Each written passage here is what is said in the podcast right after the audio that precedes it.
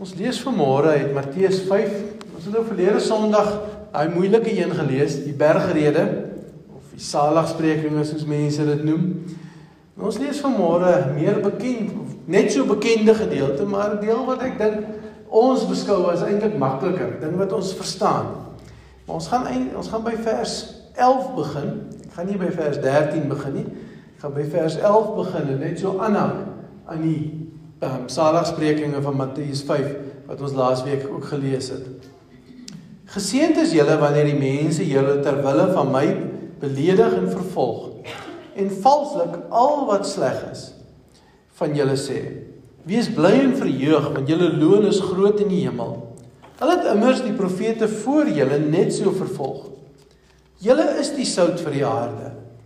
Maar as die sout verslaan het, hoe kry 'n mens dit weer sout? Dis niks meer werd nie.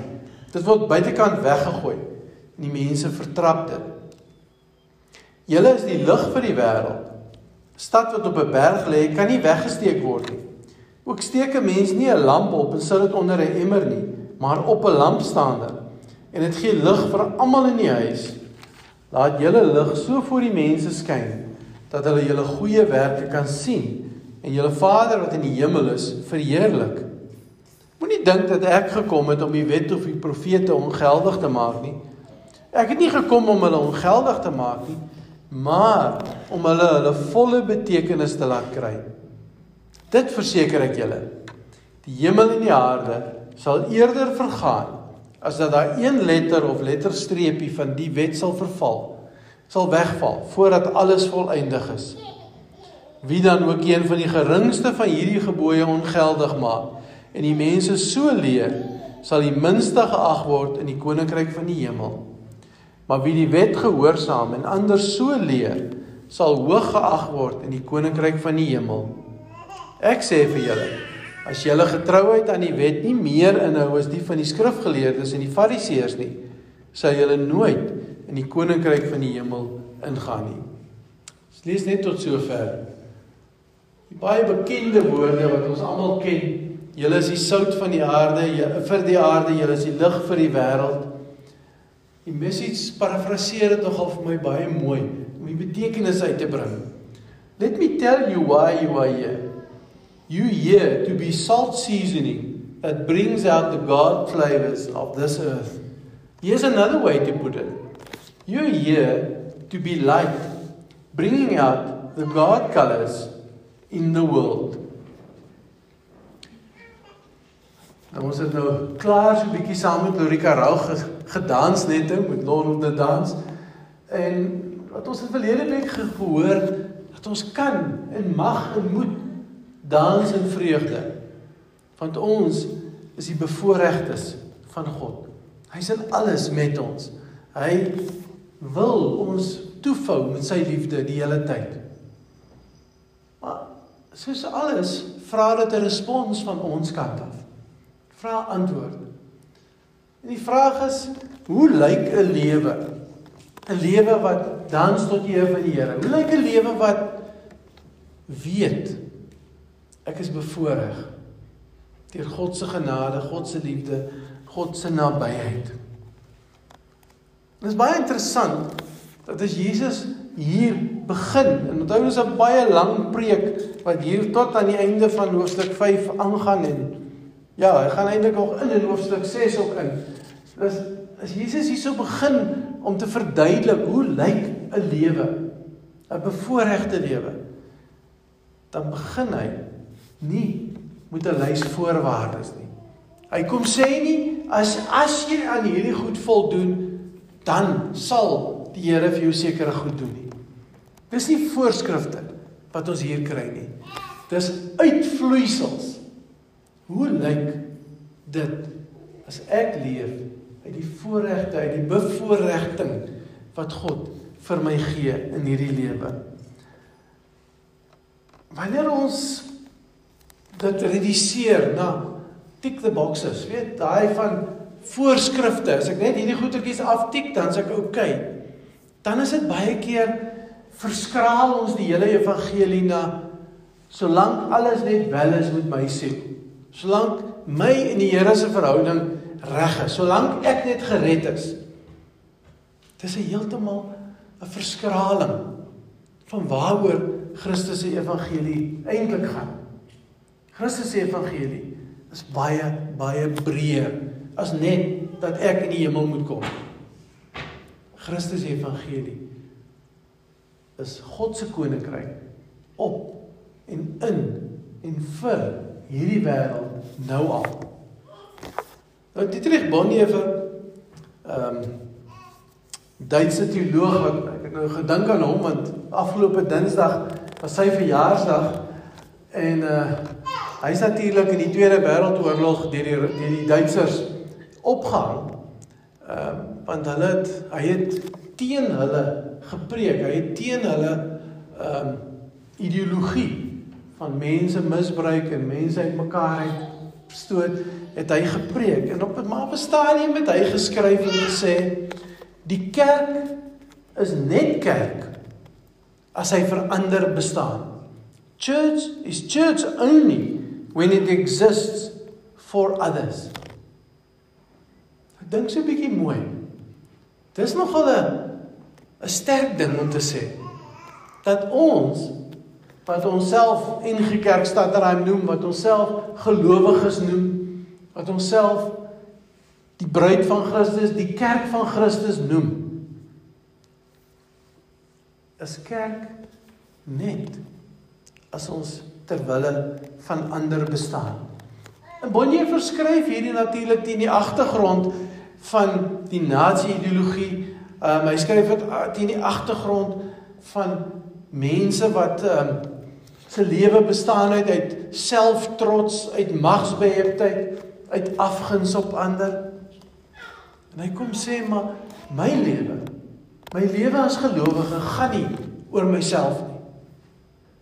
My lewe as gelowige gaan oor ander mense. Maar dan waarsku hy ons. So 'n lewe is nie maanskyn en rose nie.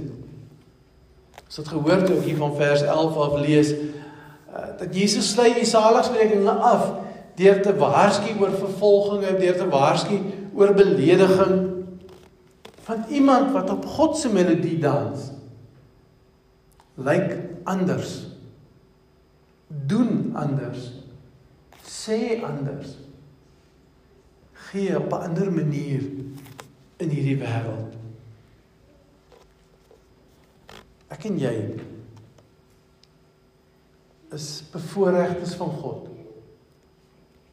wat in ons elke dag se leef ietsie moet laat uitspeel van hierdie voorregte wat ons het om kinders van God genoem te word soos wat Paulus dit self. Want hy self het dit raak gesien. En hy self het vir ons geskryf en gesê dis 'n voorreg om 'n kind van God genoem te word. En natuurlik dan wanneer Jesus kom en hy moet dit nou verduidelik vir 'n klomp mense van amper 2000 jaar terug, dan gebruik hy bekende beelde om dit vir hulle te laat verstaan. Die eerste beeld ken ons nou al net so goed, is die beeld van die sout van die aarde en die beeld van die lig vir hierdie wêreld. Maar nou soos baie keer gebruik Jesus 'n bekende beeld vir sy mense en hy draai hom so 'n bietjie op sy kop.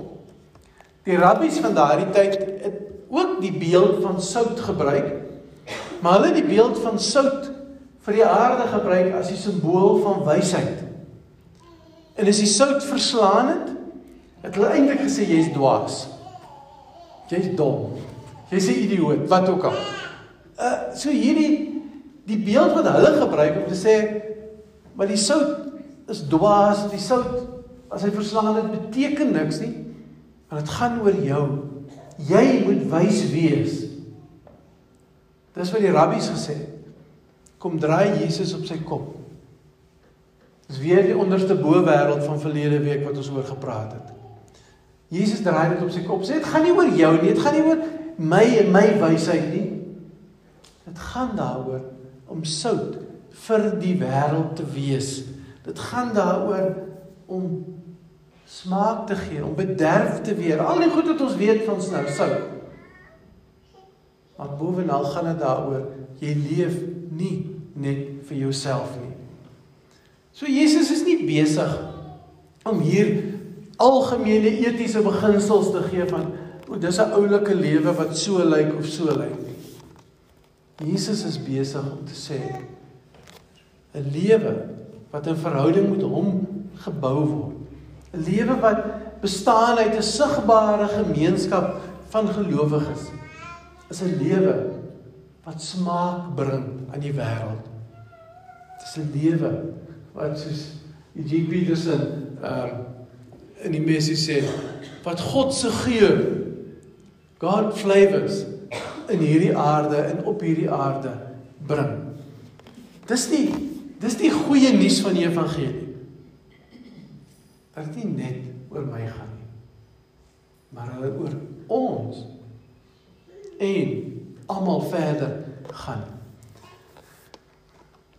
Dis hoekom Jesus dadelik verder gaan en oor die wet begin praat. En dit klink so half, maar hoekom werk die goed pas dan nie by mekaar nie? Eers praat hy van sout van die aarde en lig. In die volgende oomblik is hy hier met die wet besig. En dit is nogal moeilik. Julle getrouheid moet meer inhou as die van die Fariseërs en die skrifgeleerdes. Hoe kry kom Jesus van sout by wet uit? Want dit is juis Weer eens Jesus wat alles op sy kop probeer draai. Ons weet mos die Fariseërs van daai tyd het juis so probeer leef, so die letter van die wet probeer nastreef dat hulle vir almal almal kon sê, "Maar kyk hoe oulik is ek." Kyk net.